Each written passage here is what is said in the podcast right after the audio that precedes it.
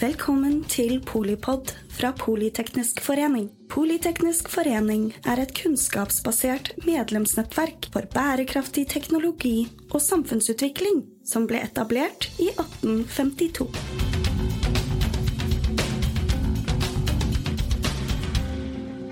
Vladimir Zelenskyj passerte Politeknisk forening akkurat her vi står, i, akkurat i dag, noen få timer siden.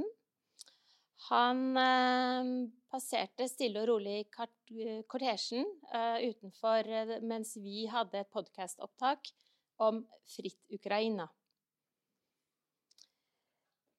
575 døgn etter Russlands invasjon av eh, Ukraina så hang jeg ut av vinduet, og så var nok det ikke helt meningen at det skulle henge noen ut av vinduet over den bilen.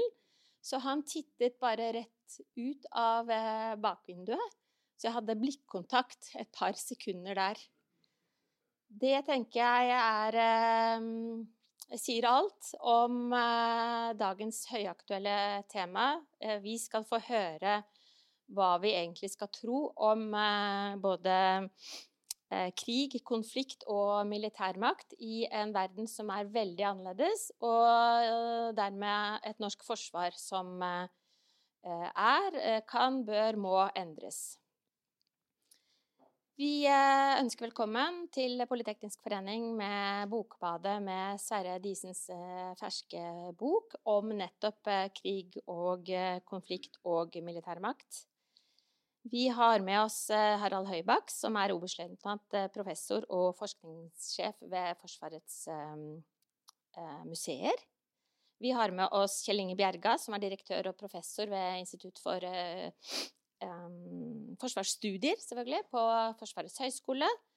Fra samme sted så har vi Ida Maria Oma, som er førsteamanuensis der. Og eh, den andre Sverre som dere skal få møte i dag, det er eh, Sverre Strandhagen. Han er eh, kveldens bademester. Han er også til daglig kommentator i DN. Vær så god. Tusen takk. Denne seansen skal vi begynne med en samtale med Sverre Disen, forfatteren av boka. Um, og etter hvert så skal vi trekke inn dette utmerkede panelet som uh, har blitt uh, introdusert. Um, Sverre Disen, gratulerer med bok. Takk for det. Um, jeg får lov til å bemerke først at, uh, at du som general, tidligere forsvarssjef og mangeårig forsker ved Fors Forsvarets forskningsinstitutt, FFI, har jo en ganske unik bakgrunn til å skrive en sånn bok.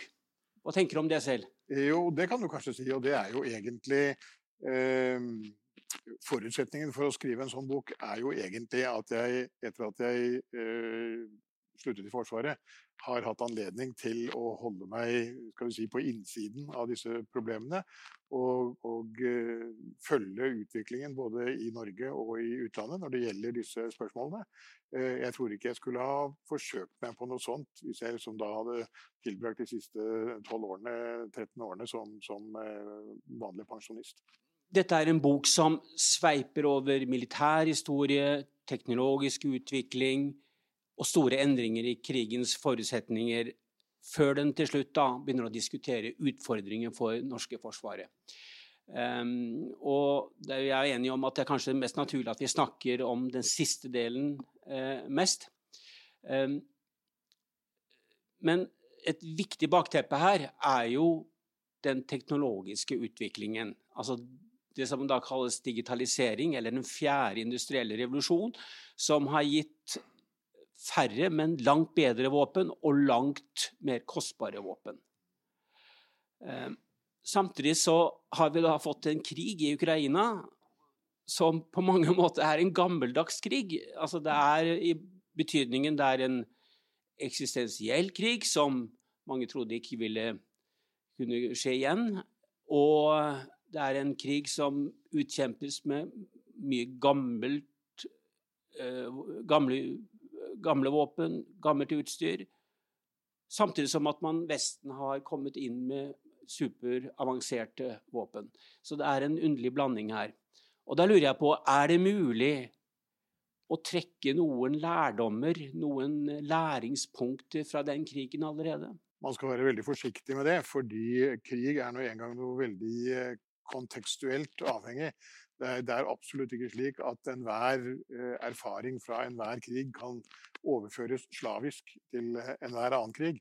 Eh, så konflikten i Ukraina, som da er eksistensiell for ukrainerne, eh, den er på veldig mange måter forskjellig fra den type krig vi kan se for oss i Norge, selv om vi snakker om Russland i begge tilfeller.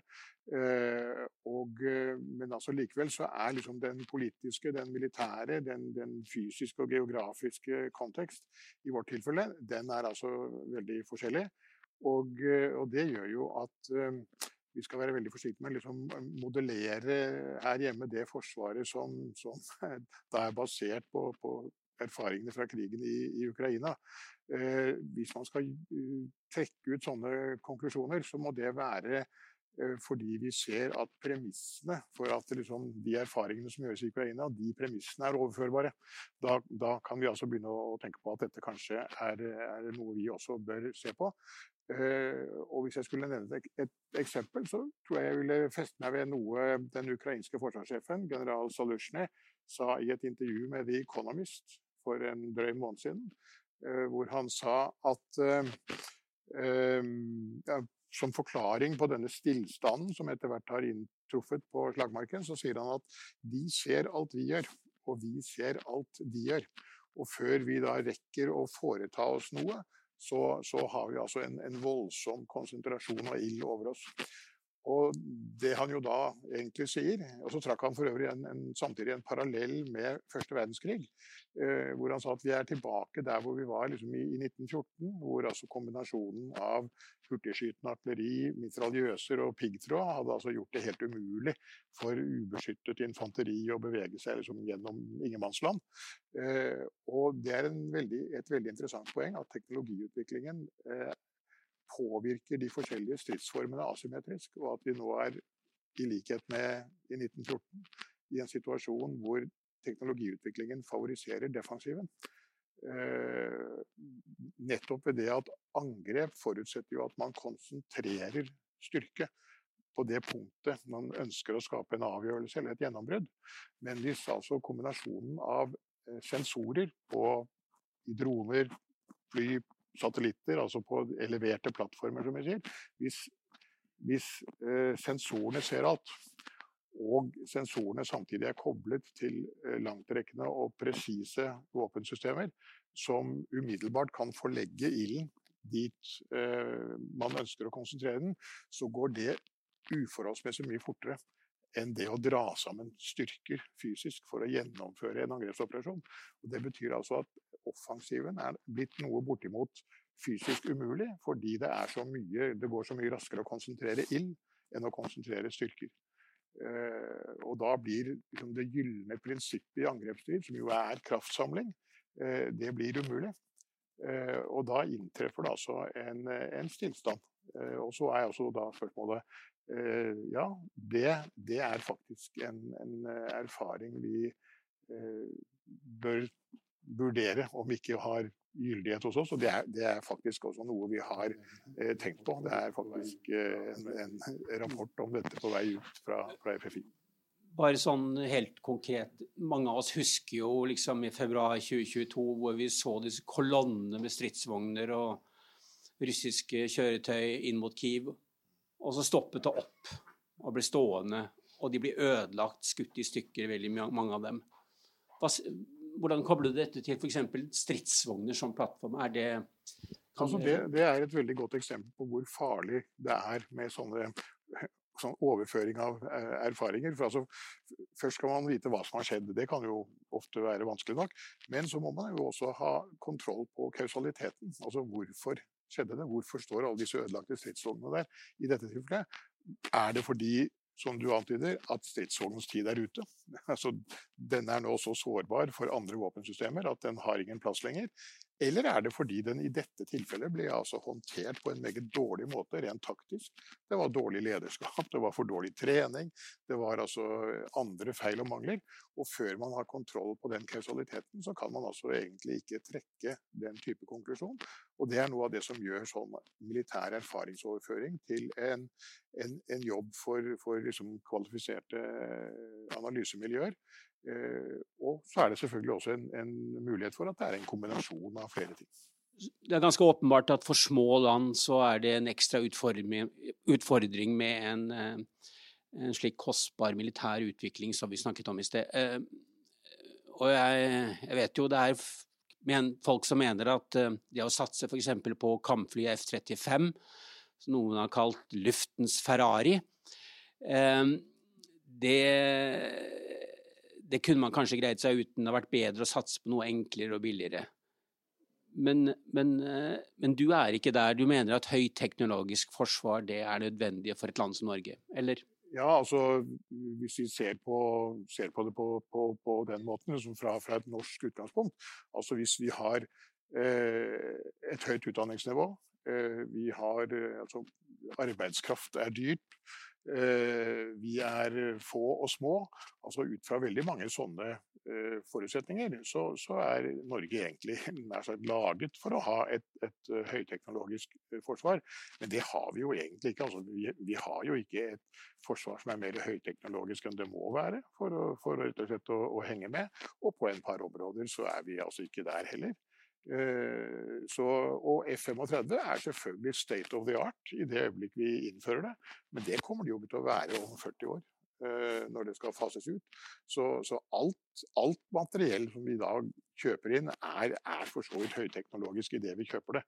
Og, og, og når det da er spørsmål om liksom, eh, å kjøpe noe annet og billigere, så, så, har jeg egentlig ingen tro på det. Og det, det har jo å gjøre med at spørsmålet om hvordan man skal sette sammen et moderne forsvar, det egner seg ikke for sånne intuitive betraktninger. at Nå syns vi liksom at det ble mye fly og lite av et eller annet. Altså det, er, det er et, igjen altså et ganske komplisert sånt uh, analyseproblem. Det er, det er, rett og slett det du kan kalle et, et kost-nytte optimeringsproblem. Uh, neste milliard skal alltid brukes der hvor uh, forbedring av forsvarsevnen per investert krone er størst. Og hvordan det påvirker altså forskjellige av de, de, ulike forsvarsgrener og troppearter, har egentlig ingen særlig relevans. Og i hvert fall tror jeg ikke jeg vil anbefale at man skal sånne, la sånne ting bli bestemt av tilvendte forestillinger av liksom hvordan det har vært, eller liksom hva man syns. at liksom, øh, Nå syns vi at den forsvarsgrenen er blitt litt for liten, og denne er blitt litt for stor. Sånn var det ikke før. Nei, det kan eh, være det, men da er det sannsynligvis veldig gode grunner øh, til at det er sånn. For dette er, altså, dette er noe dynamisk, dette endrer seg. Eh, både med teknologiutviklingen, det er avhengig av hvor mye penger vi ønsker å bruke, og det er selvfølgelig avhengig av endringer i trusselbildet. Noe av det fine med boken din det er at du eh, krydrer den med noen anekdoter eh, som eh, er ganske fornøyelige og, og, ganske gode illustrasjoner, faktisk, syns jeg. da. En av dem, der beskriver du en situasjon i det Ja, det er vel i eh, Indiske hav. Ja hvor det er en eh, missilkrysser. Eh, dette er mens det pågår kamper i Afghanistan. Um, og det står en, en, sjef på broen og drikker kaffe. Hva skjer da? Ja, mens, eh, mens denne skipssjefen står på denne store, fine amerikanske missilkrysseren og varmer liksom, hendene sine på en kopp kaffe, så går en av lokket på en av missilcontainerne opp, og en, en Tomahawk kryssemissil bare fyker til værs og forsvinner av gårde og blir borte over horisonten. Og i skipssjefen, som ikke har visst at det skulle skytes noe missil i det hele tatt, han står igjen og lurer på eh, Jeg lurer på hvor den skulle. Eh, og, og, dette er jo veldig typisk for, for den teknologiutviklingen som, som, altså peker i retning av det vi kaller et nettverksorganisert forsvar. Vi er jo vant til eh, historisk at militære organisasjoner er, er hierarkisk bygget opp. Eh, men hvis man altså da tenker seg disse hierarkiske pyramidene fra liksom hærstyrker, sjøstyrker, luftstyrker osv. erstattet av et et nett av sambandsmidler hvor man kan formidle ikke bare liksom tale, men altså digital informasjon. Så, så, og, vi, og vi rett og slett bare er interessert i om denne plattformen vi snakker om, denne noden som vi snakker om, er det en, er det en sensor? Er det et våpensystem? Er det en beslutningstaker, eller er det eh, alle tre eller to av dem? Eh, med andre ord, hvis en drone eh, over Afghanistan et sted, som i dette tilfellet, ser et mål på bakken som egner seg for et kryssemissil, og det sitter en beslutningstaker i det amerikanske hovedkvarteret i Bahrain, og bor på denne krysseren, så befinner det seg altså et antall Tomahawk kryssermissiler. Eh, så vil kryssermissilet kunne avfyres på bakgrunn av sensorinformasjonen fra dronen over Afghanistan, eh, utløst av beslutningstageren i hovedkvarteret i Bahrain. Og Da er altså dette en trekant hvor, hvor for det første det er én plattform på sjøen, det er én plattform i luften og det er én plattform på landjorden. Og de er i hvert sitt hjørne av en trekant med, med sidekant flere tusen kilometer. Eh, og det sier jo litt om, om hvilke muligheter nettverksorganiseringen rommer eh, for å eh, utnytte den militære organisasjonens si, kapasitet maksimalt. Der hvor man tidligere altså hadde måttet sende anmodninger om støtte oppover i en kommandovei, og så måtte det tas en beslutning langt oppe på, i et eller annet hovedkvarter. Og så måtte det gå en, en tilsvarende ordre ned en annen kommandovei. Og alt dette ville selvfølgelig tatt uh, mye lengre tid. Så, så altså dette at militære styrker etter hvert kommer til å bli uh, organisert i slike nettverk, det kommer til å ha, ha veldig stor uh, betydning for måten vi både organiserer oss på og opererer på. Og da er jo sånne kan jo sånne anekdoter være egnet for å få frem poenget. Og dette må norske forsvaret også være forberedt på? Ja, altså det, og det er vi jo for så vidt som vi vet at dette kommer. Men, men, men vi, er, vi, er, etter mitt skjønn liksom altfor tilbøyelige til å, å, si at ja, vi vet at dette kommer, men liksom ikke, ikke nå. Ikke, ikke, nå med en gang. Liksom, vi vil gjerne vente litt. Og det, det, har jo selvfølgelig delvis å gjøre med at det er ikke all denne teknologien som er, som er like moden. Så man skal jo absolutt være nøktern. Men på den annen side, altså militære organisasjoner har en hang til institusjonell konservatisme. Eh, av flere årsaker. Og, og, jeg tror jo at eh, selv om dette ikke er noe vi liksom kan bare innføre over natten, så burde vi nok vært kommet lenger allerede i dag enn vi, enn vi faktisk er. Det store spørsmålet i norsk forsvarsdebatt er jo kanskje takket være deg litt, da, eh, blitt hvordan er det vi skal forsvare oss i nord. Eh, og der er det jo sånn at eh, Forsvarets forskningsinstitutt de jo, opererer jo gjerne med to hovedscenarioer. Det ene scenarioet det, det handler om at vi kan få en bilateral konflikt med Russland. Enten i form av at det er en sabotasje eller at det er en pressituasjon som gjør at at russerne prøver å få oss til å gjøre noe som de ønsker, men at det ikke er i nærheten av noe artikkel 5-situasjon. Og så er det, det andre hovedscenarioet er på en måte en eh, At vi kommer på en måte det blir en del av en storkonflikt fordi at det oppstår eh, en konflikt et helt annet sted, men som f.eks. i Baltikum. Og så eh, føler Russland at de må beskytte sine strategiske ubåter i nord, og får behov for å sette det såkalte bastionforsvaret, og kanskje dermed okkupere deler av Finnmark. Det er liksom en sånn to hovedscenarioer, ikke sant? Ja. Og så er det spørsmålet hvordan skal Norge forholde seg til disse to hovedscenarioene? Eh, også ikke minst i lys av den, den teknologiske utviklingen som du var inne på. Um, og der er det to begreper, nektelse og kontroll, som er, er sentrale. Kan, kan, du forklare hva som er hovedpoenget, sånn som du ser det? Ja, altså, um, det, er jo, det er jo slik fra, fra tidligere tider, må man nesten si, at altså, dette hele begrepet forsvar, det er i, i sånn alminnelige menneskers forestilling, det er veldig sterkt knyttet til uh, forsvar av territorium. Det å holde territorium, kontrollere territorium. Derav, derav betegnelsen ambisjonsnivå kontroll.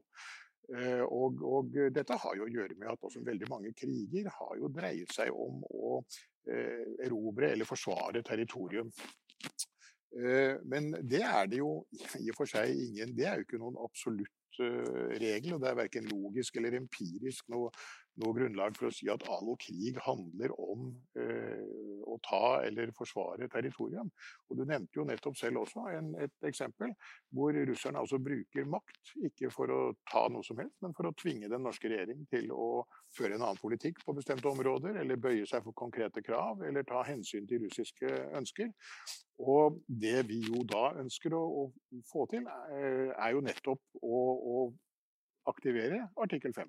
Vi må altså da skape en situasjon som er slik at det er helt uh, utvilsomt at det pågår en væpnet konflikt i, uh, i Nord-Norge. Uh, og at artikkel 5 derfor kommer i, i bruk. og for å greie det, så må vi altså sørge for at det oppstår en stridssituasjon.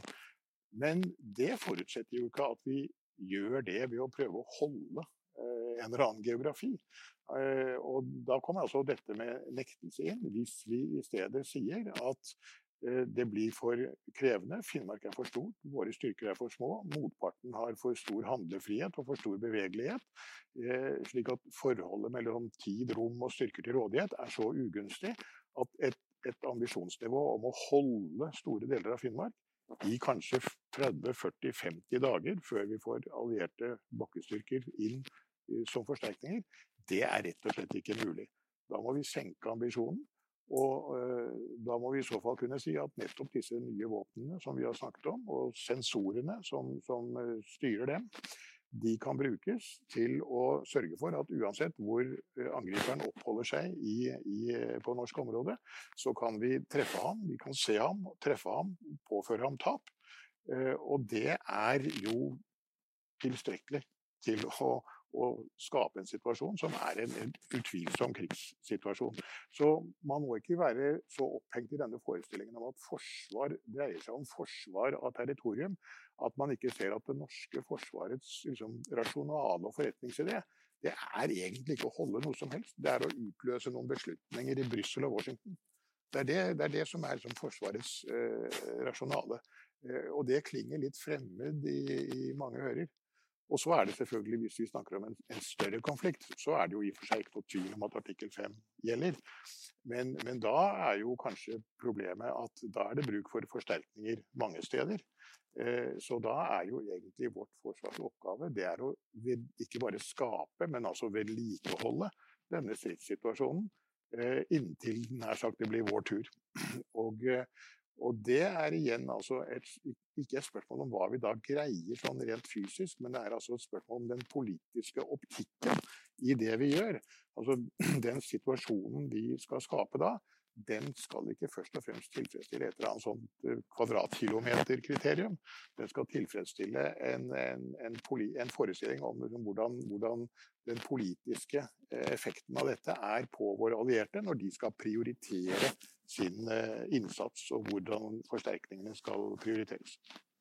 Men i det du sier nå, så impliserer det også at vi midlertidig kanskje må oppgi området Um, og da sier noen ja, men se på hva Russland har gjort i Ukraina. Hva, hva har de gjort i Butsja? Ikke sant? Skal, skal, vi på en måte risikere at, at, russerne kan gjøre det samme i Finnmark? Uh, og svaret til disse er jo at vi må stoppe russerne ved grensen. Det er det helt nødvendig for å unngå en slik type uh, forferdelige situasjoner som i Butsja. Hva vil du svare til det? Det, det? brutale svaret på det er at det kan vi ikke. Altså, man kan uh, mene at det er ønskelig, men, men altså det, det, kan vi se bort fra. Så store styrker, som da i så fall må fordeles over uh, et så stort område, vil uansett ikke kunne hindre russerne, hvis de først ønsker det, å begå altså krigsforbrytelser i, i Norge i, i, en eller annen skala, eh, det, det, vil de alltid kunne greie. Og vi vil aldri kunne hindre eh, russerne nettopp ut fra deres eh, nettopp, altså styrkeforholdet og deres større bevegelighet og usikkerhet på vår side om hvor de har uh, sine mål, så, så, vil ikke vi kunne hindre at de tar kontroll over punkter på norsk område, steder på norsk område. Uh, og det eneste vi ville oppnå ved å prøve å hindre det, ved å spre, spre oss utover, mm. for å, så å si unngå et, et sånt scenario som du beskriver, det ville være at vi ville frata oss selv evnen til å, å, oppnå noe av det som også er viktig i denne situasjonen, som ville være nettopp å, som jeg sier, å utløse allierte forsterkninger. Norge har ikke lenger et mobiliseringsforsvar. Vi har eh, et stående forsvar i hermetegn, mm. for det er vel en slags mellomstilling. Ja. Eh, Finland holder fast på mobiliseringsforsvaret. Og det er stadig vekk i norsk debatt slik at noen peker på Finland. Hvorfor gjør ikke vi som finnene? Mm. Eh, hvor, hvorfor gjør vi ikke det? Eh, fordi vi ikke er i finnenes situasjon. Eh, og finnene er altså de ultimate realister. Altså de er, finnene er internlogiske. Finnene tar utgangspunkt i at trusselvurderingen deres sier at hvis det blir et angrep fra Russland, så blir det en gang til, som i 1939. Da kommer det røde masseanfallet over mm. stor yta. Da kommer de langs hele den finsk-russiske grense. Eh, og så sier finnene som så vel, altså hvis det er trusselen, så er det eneste svaret på det det er å ha stort, en stor mobiliseringshær, et, et sterkt territorialforsvar. Mm. Eh, og skal du produsere et stort uh, territorialforsvar, en stor mobiliseringshær, så må du ha verneplikt. Eh, og da har du selvfølgelig dette behovet for at eh, du må kunne ha tid til å foreta en ordnet mobilisering og en viss gjenoppøving og en utgruppering av dette forsvaret. Men som finnene da sier, men hvis russerne skal dra sammen styrker i dag for å angripe hele altså Finland på den måten, det vil jo russerne også trenge lang tid på, for da må de trekke sammen styrker fra, fra store deler av Russland. Eh, det gjør at vi har eh, god tid til å foreta vår mobilisering. Og som man skjønner, altså her er det jo en gjennomgående logikk og en, en helt uh, usvikelig konsistens. Det man kan spørre seg om, det er om dette er en, en realistisk trusselvurdering, men det er nå engang den de har. Og så har finnene et problem til, og det er selvfølgelig at en nasjon på fem millioner mennesker godt og vel, kan ikke noe mer enn en oss eh, vedlikeholde med materiell en mobiliseringshær på en kvart million soldater. Så hvis man går inn i, i styrkebalansen f.eks. Fra, fra IISS i London og ser hvordan det finske forsvaret utvikler seg over tid, så vil man se at de får jo stadig færre av de mest kvalifiserte og, og viktige moderne våpensystemene. Så du kan si at finnene bruker altså en større og større del av budsjettet på en mindre og mindre del av Forsvaret for å holde det på topp. Eh, men de kaster ingenting, de beholder alt. Eh, og så er jo noe av begrunnelsen for dette, det er som finske politikere sier, at vi, vi, kan ikke basere oss på at vi får hjelp, for det har vi aldri fått. Så Finland må kunne stå alene. Og som den finske forsvarssjefen i sin tid sa til meg, altså, han sier da til politikerne at ja, da blir det sykkel og maskinpistol på, på, liksom, på veldig mange. Og så sier da finske politikere har sagt til nå at eh, ja ja, da får det heller bli det, da. Mm. Eh, men nå har jo altså finnene per definisjon skrevet under på at de, de tror ikke at de blir alene. De, de, tror derimot de tror også faktisk at de kommer til å få hjelp. Eh, og spørsmålet er hvordan kommer det til å hvordan kommer det til å påvirke finsk forsvarspolitikk? Det skal bli meget interessant å se. Men Norge har altså da eh, gjort det kunststykket at vi har, eh, vi har avskaffet mobiliseringsforsvaret, og det er for så vidt greit i den forstand at vårt trusselbilde er et helt annet. Men vi har jo samtidig beholdt den forsvarsmodellen som er optimert for å produsere et stort mobiliseringsforsvar basert på verneplikt. Eh, og det merkverdige med oss er jo at i stedet for da å, å nær sagt eh, konvertere dette gamle produksjonsapparatet til et stående forsvar, et, et forsvar som er altså kampklart innenfor de varslingstidene som vi opererer med, som er kanskje to døgn, eh, så, så, prøver vi å tyne en stående kapasitet ut av dette produksjonsapparatet som er laget for noe helt annet. Og det fører jo til en, en produktivitet, for å kalle det det, som er altså meningsløst lav. Da. det blir som å skjære brød med en snekkersag. Altså det, det, blir veldig lite ut av det. Og, og, men det, det er vi tilbake til dette med liksom, rasjonaliteten i den norske forsvarstenkningen. Vi får oss liksom ikke til å endre Forsvaret, selv om vi ser at det er mange ting som tyder på at vi bør foreta en, en del endringer. Så, så, henger vi veldig fast til det gamle. Så Mitt inntrykk er jo på mange måter at norske politikere er jo veldig opptatt av at Forsvaret skal være gjenkjennelig. Eh, man må liksom modernisere det litt her og der av og til, men altså man, man tukler liksom ikke med selve modellen. Det, det, liker man ikke. Mm. Og folk flest, som kanskje ikke er så veldig opptatt av Forsvaret daglig, men de er opptatt av verneplikten. De mener at den, er, eh, den skaper forsvarsvilje og, og sånn. Eh, ditt forslag er jo egentlig å, å, vri på verneplikten i retning av at det kan rettes mot Heimevernet. Er det ikke det? Ja, det, det også. Altså, jeg mener jo at altså, man må se på verneplikten som det den funksjonelt sett er. Det er et, et grunnlovsbeskyttet fortrinn i arbeidsmarkedet. Eh, det er en uvurderlig rekrutteringsmekanisme som vi aldri vil eh, få tilbake hvis vi kvittet oss med det. Eh, så det vil være dumt. Men, men poenget er jo også igjen at altså, personell, i dette tilfellet soldater, er jo som alle andre innsatsfaktorer. Altså det, det må bedømmes som, som, det det er. Og, og det er klart at da, da, bør vi bruke vervede der hvor for det første beredskaps- og kompetansehensyn tilsier at vi bør bruke vervede, og vi bør bruke vervede der hvor også økonomiske hensyn gjør at det også mm. blir mest kostnadseffektivt. Det betyr ikke at vi liksom bør, behøver å kaste ut alle de vernepliktige. Vi kan, som du antyder, vi kan kalle inn akkurat like mange vernepliktige som i dag, faktisk men bruker dem på den måten at vi for det første lager en egen førstegangstjeneste for Heimevernet, istedenfor at de som først har gjort førstegangstjeneste i forsvarsgrenene, deretter blir sendt til Heimevernet etter liksom ti år, for da å lære noe helt annet enn det de lærte i utgangspunktet. Så kan vi altså ta dem inn til en egen uh, førstegangstjeneste, som kan være fire til seks måneder, og deretter føre dem rett over i Heimevernet, hvor de kan avtjene resten av sin uh, verneplikt. Eh, og vi kan bruke vernepliktige i de delene av forsvarsstrukturen hvor dette er, som sagt, er både hensiktsmessig og økonomisk. Eh, Hans Majestet Kongens Garde, som jeg selv har vært sjef for, utmerket eh, avdeling selvfølgelig, som neppe ville fungert særlig bra på noen annen måte enn vernepliktige. Grensevakten i Øst-Finnmark, meget ansvarsfull og viktig oppgave. Men vi skal merke oss altså at det er jo ikke noe det er ikke noen sammenheng mellom hva som er ansvarsfullt og hva som er vanskelig. Nei. Altså Disse oppgavene som de fredsoperative avdelingene har, Garden, Grensevakten, eh, andre, de er meget ansvarsfulle, men de er, de er, relativt enkle. Krever ikke store, kompliserte våpensystemer. Eh, lang trening, intensivt samvirke, masse koordinering. Det er, det er relativt enkelt.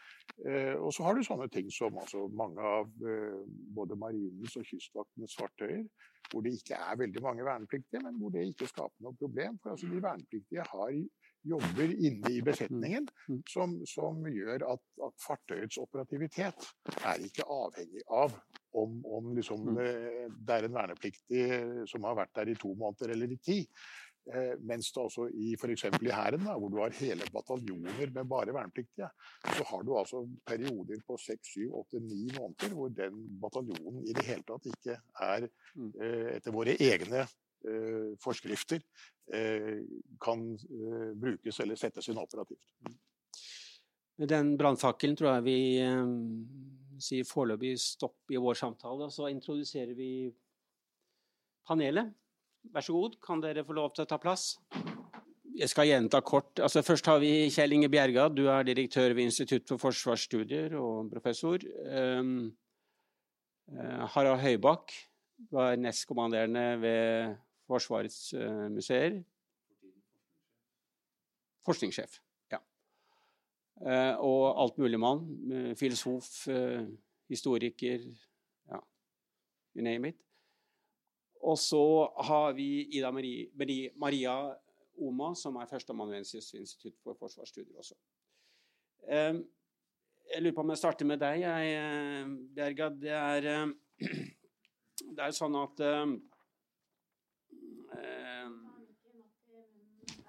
ja. Du har jo fulgt denne forsvarsdebatten veldig lenge. Og som vi alle vet, Sverre Disen har jo vært kjent som en ganske kontroversiell person. Eh, ganske provoserende, vil synes noen. Eh, hvordan er det du ser på det? Eh, først og fremst så må jeg få gratulere så mye med boken. Eh, eh, jeg lærte mye av å lese den. En flott sammenstilling av, av veldig mye av det som, som har, forfatteren har jobbet med i mange år. På en oversiktlig og, og fin måte. Boken handler jo først og fremst om det som påvirker forsvarspolitikken og militærmakten, men også om hvordan forsvarspolitikk blir til. Eh, og for å ta opp det du sier der, eh, så er det jo slik at eh, den som måtte tro at Disen er en slags rabulist i forsvarssektoren, de må tro om igjen. For, for veldig mye av det som skrives i denne boken, de har blitt mainstream for, for lenge siden. Eh, slik var det kanskje ikke for, eh, for eh, noen tiår, ti siden. Og da kan man jo lure på om, om Disen var svært uh, forutseende da han begynte å, å, å si disse tingene. Eller om, om, forfatteren har hatt en ufo, uforholdsmessig stor påvirkning på, på utviklingen. Jeg, vet ikke hva, Det kan kanskje være litt av begge deler. Men, men jeg, som jeg sier jeg finner ikke så mye av, av dette provoserende, for å bruke det ordet. Det, det, det, har blitt gradvis mainstream eh, del av eh, norsk forsvarspolitikk. Teknologi, profesjonalisering, eh, bruken av verneplikten, alle disse tingene her. Um, Oma, jeg fortsetter med deg. Hvor er det du syns at Disen treffer, og hvor er han eventuelt ikke treffer i sine analyser i boken? Jo, takk for uh, spørsmålet. Um, overordnet så ja, La meg starte med å gratulere, jeg også. Og jeg, bare for å ha sagt det, jeg syns du lykkes godt med ambisjonene for uh, boken.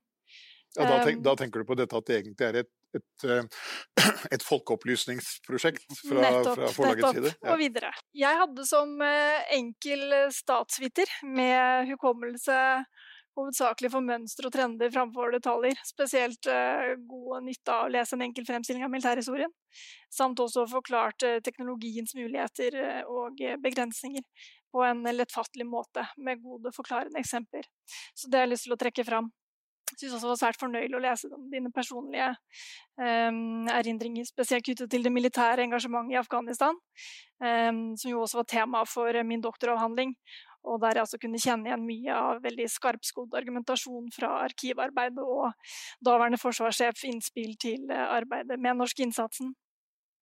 Eh, boken er lettlest, og argumentasjonen er lett å følge og ofte overbevisende.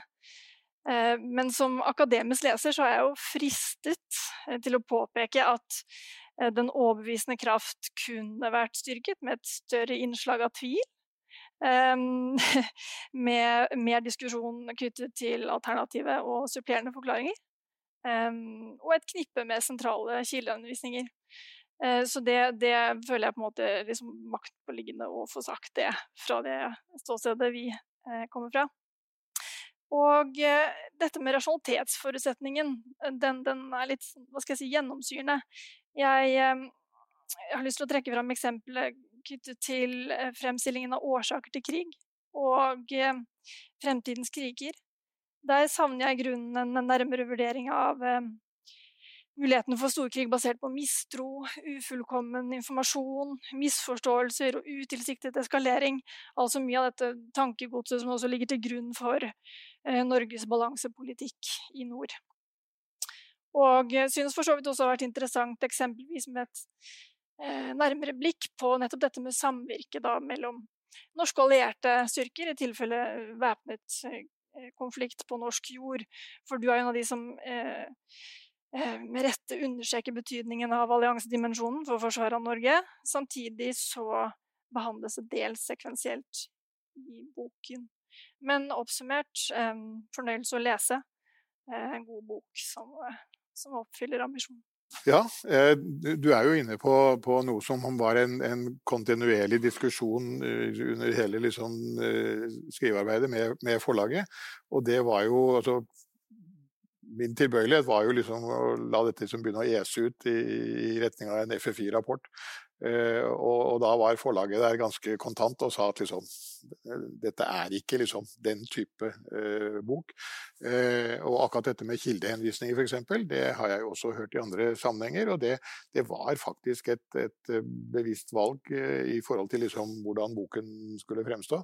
Så jeg må jo skynde meg å si at, at jeg er jo også klar over at som, som akademisk Ja, vi hadde, vi hadde, en diskusjon om liksom, skulle vi ha en ambisjon om at dette skulle bli pensum litteratur. Eh, og da sa liksom forlaget njet, det, det, hadde de ingen tro på.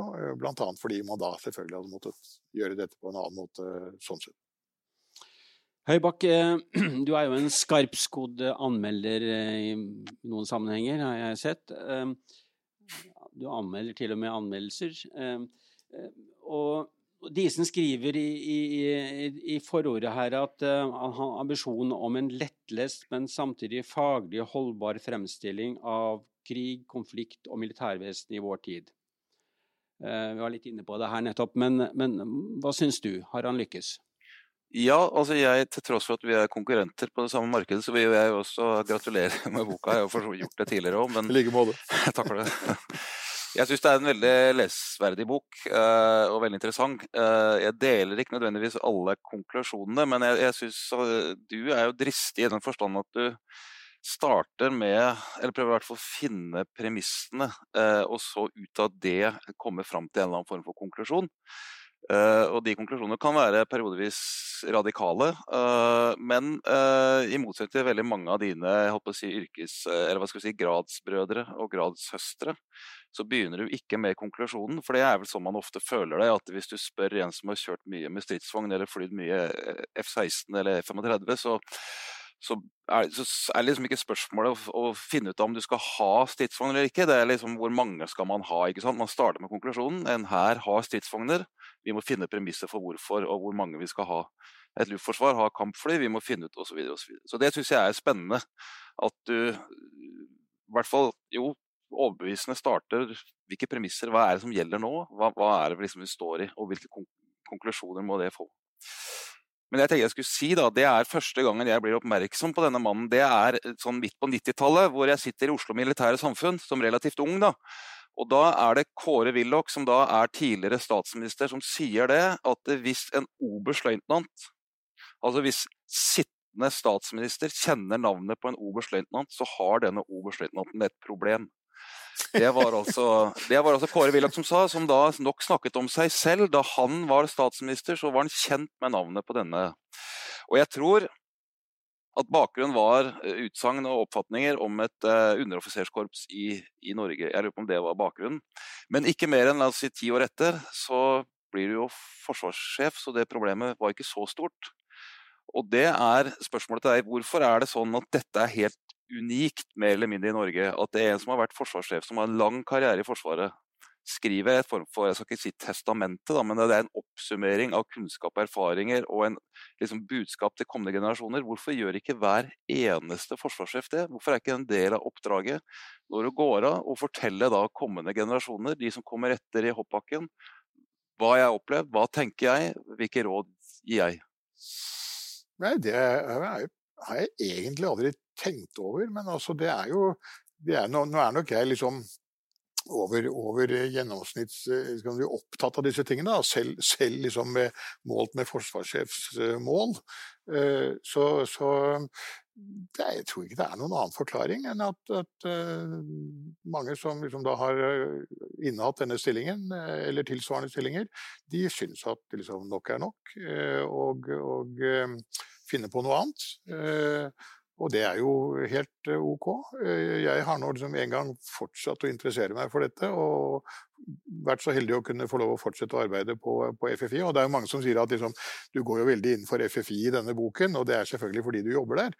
Eh, og da har jeg måttet si at nei, det er omvendt. Jeg, jeg, jobber på, på, FFI fordi jeg tror det er der det er den institusjonen hvor forsvarsproblemene eh, skal vi si, eh, analyseres på en, på en, vitenskapelig og metodisk ansvarlig måte, i motsetning til det som du helt riktig sier, nemlig i Forsvaret selv, hvor, hvor veldig mye av dette arbeidet, liksom utredninger og sånn, starter med konklusjonen. Altså vi skal ha fregatter.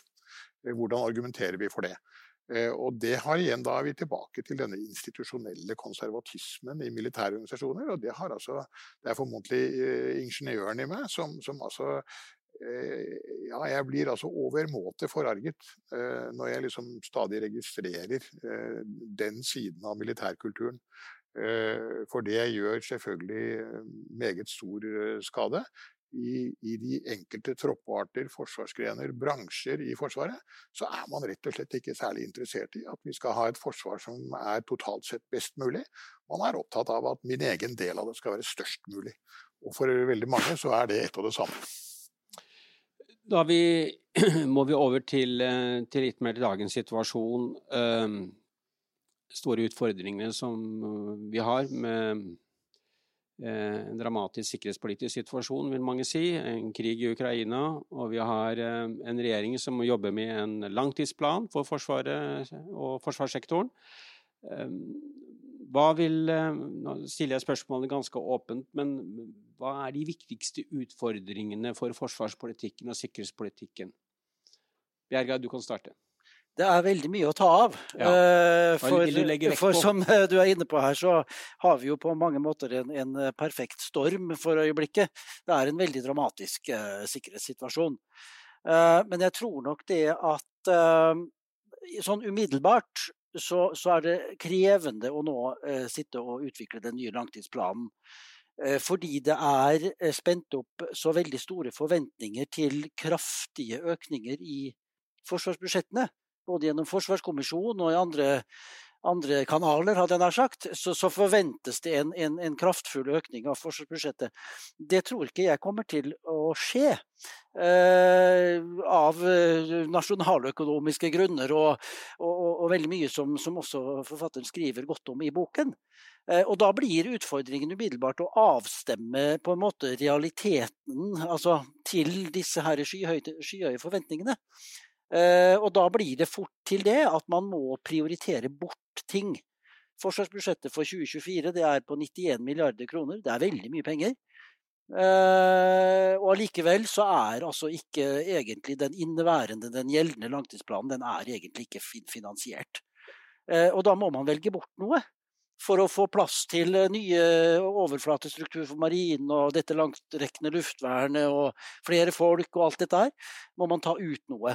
Og det er veldig vanskelig i Norge, fordi vi har satt oss opp eh, helt siden først etter krigsårene med et såkalt balansert forsvar. Altså et uh, forsvar med full, full, bredde i kapasitetene. Vi, skal, vi, har alt et forsvar som kan, skal kunne operere på egen hånd.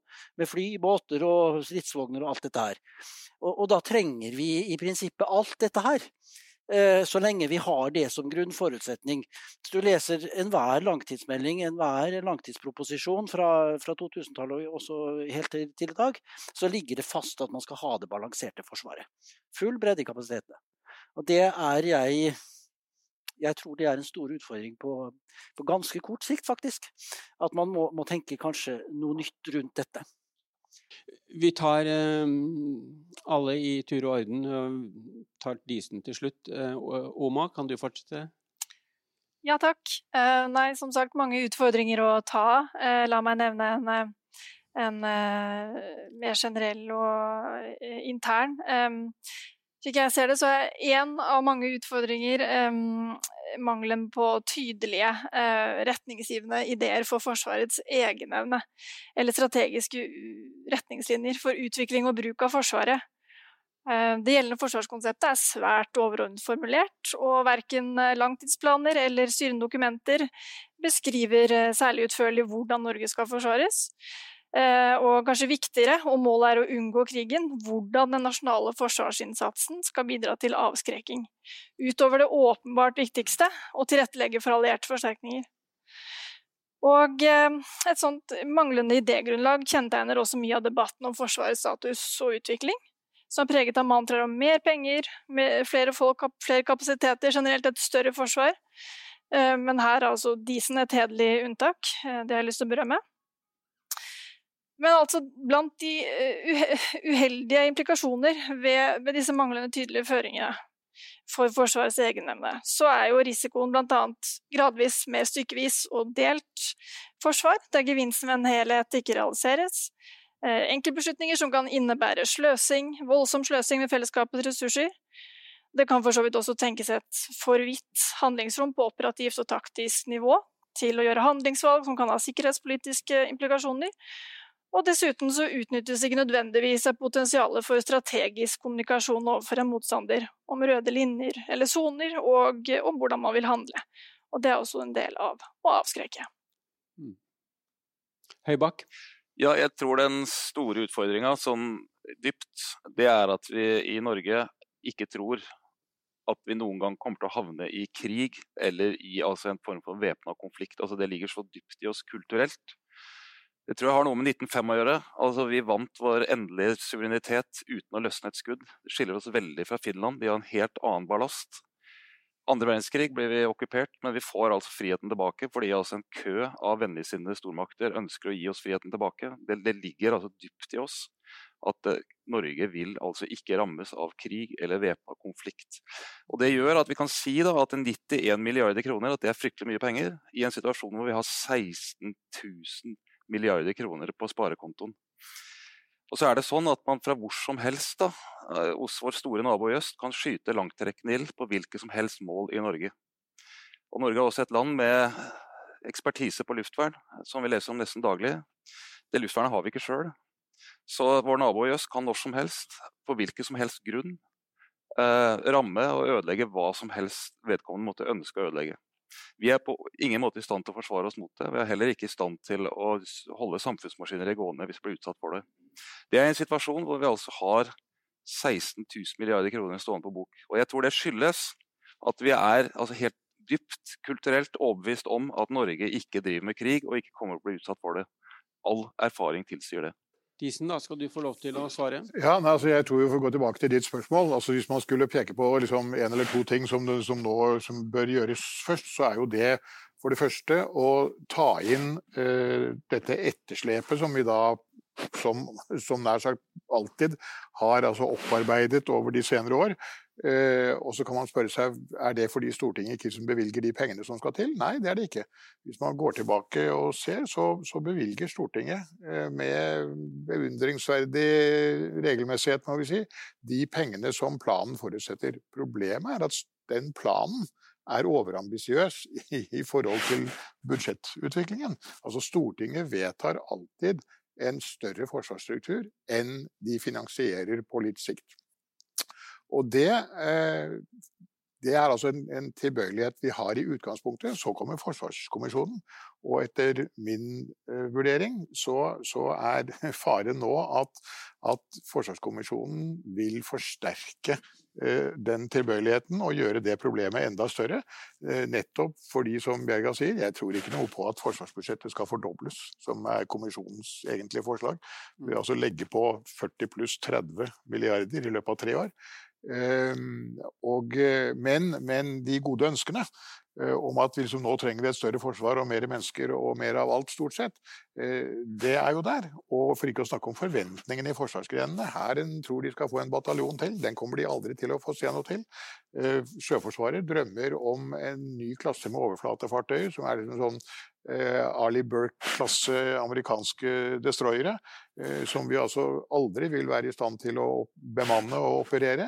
Slik at det er en, et forventningspress der ute som gjør at jeg er ganske redd for at vi nå skal få en, en overambisiøs eh, langtidsplan som da vil forsterke dette ubalanseproblemet. Og det som skjer, mine damer og herrer, er jo at eh, hvis det altså da overinvesteres, hvis vi investerer eh, i for mye materiell, eh, rett og slett, så pådrar vi oss et fremtidig driftsbehov som vi altså ikke har penger til når, når materiellet kommer i drift. Hva gjør Forsvaret da for å tilpasse seg dette og holde seg innenfor budsjettet? Jo, de går dit hvor man har den kortsiktige økonomiske handlefriheten. Og hvor er det? Jo, det er på aktivitetsavhengige driftskostnader. Da må man sløyfe trening og øvelser, da må man altså utsette vedlikehold, da må man forsømme eiendommer, bygg og anlegg osv. Eh, og realiteten er jo at det er jo disse tingene som egentlig gir kampkraft. Det kommer ikke kampkraft ut av å lønne fastlønte offiserer og betale kommunale avgifter. Slik at faktum er jo at vi kjøper jo 90% av forsvarsevnen for de siste 5% av budsjettet. Og Det betyr at vi i dag har, i dag har vi altså ikke et for lite forsvar, vi har et for stort forsvar. Ut fra det eneste kriteriet som er objektivt og som, som, har noe for seg, nemlig økonomi. Så har vi et for stort forsvar. Og, og spørsmålet er altså om vi nå i denne omgangen kommer til å liksom få forståelse for, ikke, ikke minst innad i Forsvaret selv, for at altså, eh, den største ulykken vi kan, eh, kan komme ut for, det er å videreføre denne nærmest institusjonaliserte ubalansen mellom, mellom strukturambisjon og, og budsjett. Bjerga, du hadde en replikk. Ja, eh, det slår meg. Nå blir vi sittende og diskutere veldig eh, nitty-gritty i, i, i, en ren sånn militær sammenheng. Eh, det er jo veldig viktig her å få med også det perspektivet som kommer godt frem i, i boken. At trusselbildet i dag det er kanskje ikke først og fremst snakk om en ren militær trussel, men, men det er et sammensatt trusselbilde med en rekke virkemidler innenfor økonomi og cyber og etc. etc. Eh, og, og, da blir det militære forsvaret bare en komponent i et større nasjonalt forsvar som vi må kanskje tenke mer i retning av. Og der har vi i Norge en del systemiske utfordringer med det sektoriserte statsapparatet.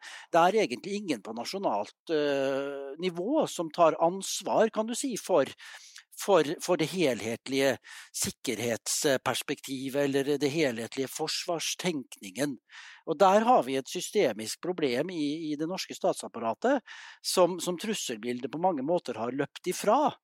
Eh, og, og, det er et spørsmål eh, også om man burde se mer, nærmere på på hvordan det norske statsapparatet er skrudd sammen for å respondere på det trusselbildet vi har i dag. Eh, tiden er kanskje overmoden for det. Og da, da, er det snakk om et nasjonalt nivå som på en eller annen måte kan sammenstille og, og tenke mer helhetlig i møte med det trusselbildet som, eh, som, vi har i dag. Og da har vi, hvis vi legger alle ressursene sammen, så, vi, så bruker vi mye mer enn 91 milliarder på å forsvare oss. Tiden løper veldig fort nå, så vi har eh, ikke så mye tid. Men vi har tid til noen korte replikker fra Høybakk og Oma, hvis dere, og Disen også til slutt. Ja, det var veldig kort. og det, det, var jo bare liksom når du sier at det eneste objektive kriteriet er hvor mye penger vi har, så forteller jo det egentlig meg, og det er litt av ankepunktet mot eh, noen av konklusjonene i boka, da, det er jo at det, i utgangspunktet skulle vi kanskje tro at det er trusselen, altså hva er det noen kan utsette oss for? Det som må styre hvilket forsvar vi skal ha, og så er det da pengene som setter begrensningene, men her snur vi altså dette på hodet og sier at det, vi har ikke større trussel enn det betalingsviljen rekker, og den rekker ikke veldig langt, da, gitt at vi har så mye penger. Men jeg gjentar meg bare sjøl, egentlig. Oma, vil du jeg skal eh, ikke ta den det tiden går for, som du sier, men jeg har lyst til å uh, være så freidig at jeg tar opp en siste fornøyelig side ved boken. Bare så det er sagt. Og det, det er dine tankeeksperimenter knyttet til metoder og midler i eventuelle fremtidige anslag og angrep. eksempelvis dette med likvidasjonen av en iransk dissident utenfor Bergen. Og, og, dette må du ikke ta som kritikk, men honnør. Jeg kjente også på en, et lite håp om at du på et eller annet tidspunkt også velger å å skrive en eh, thriller eller noe annet. Ikke fordi det er urealistiske scenarioer, men fordi det er svært levende beskrevet. Så det var min. Da, får jeg kanskje ta tak i det Høybakk sier her. Fordi jeg, jeg, mener jo faktisk også at, at Uh, og det har jeg jo fått høre mange ganger fordi jeg har liksom ytret meg og, og, og sagt jeg, jeg, er blitt sitert som, som, om jeg har sagt at uh, ethvert forsvarsbudsjett er stort nok. Det, det, er ikke det jeg har sagt. Det jeg har sagt er at det er et forsvar for ethvert budsjett. Uh, og det er noe annet. og mitt poeng med å si det, og vel vitende om at det kommer til å ergre mange, det er jo at det er Forsvarets oppgave er ikke sånn at man kan si at liksom, eh, over et visst budsjettnivå så løser Forsvaret sin oppgave, da er vi trygge, og under eh, det nivået så er vi ikke det. Eh, med andre ord, det, det finnes altså ikke noe fagmilitær definisjon av hva som er et tilstrekkelig forsvar. Det finnes bare en, en, en, en trinnløs sannsynlighet for at vi skal bli angrepet. Og, og, den sannsynligheten blir altså da mindre og mindre jo bedre Forsvaret er. Det er liksom logikken bak. Men altså det grunnleggende spørsmålet om når vi føler oss så trygge at vi tar sjansen på å bruke neste milliard til noe annet enn forsvar, det er og kan ikke være noe militært øh, spørsmål. Det er avhengig av hvor viktig vi syns uh, sikkerhet er, sammenlignet med eldreomsorg og sykehus og veier og jernbaner og universiteter og alt mulig annet. Uh, og det har jeg jo pådratt meg mye kritikk for, men altså det, det, har jeg store problemer med å se. At man kan være uenig uh, uten at man altså i, i, så fall ønsker seg et annet politisk system enn, enn det vi har. Eh, og, og ja, jeg er jo enig i at det er liksom trusselen som er utgangspunktet her, og det er jo i og for seg også tanken i boken, å begynne liksom med, med trusselen. Men, men, akkurat dette med da å knytte det til et liksom Eh, bestemt budsjettnivå og si at liksom, hvis dette er trusselen, så må dette være budsjettet, det eh, tror jeg er vanskelig. Det må bli siste ord. Tusen takk til panelet, og tusen takk til Sari Disen. Lyttet til Polipod fra Politeknisk forening. Få med deg flere episoder, eller bli med på nettverksmøtene, som du finner ved å søke at polyteknisk, eller gå på vår hjemmeside polyteknisk.no.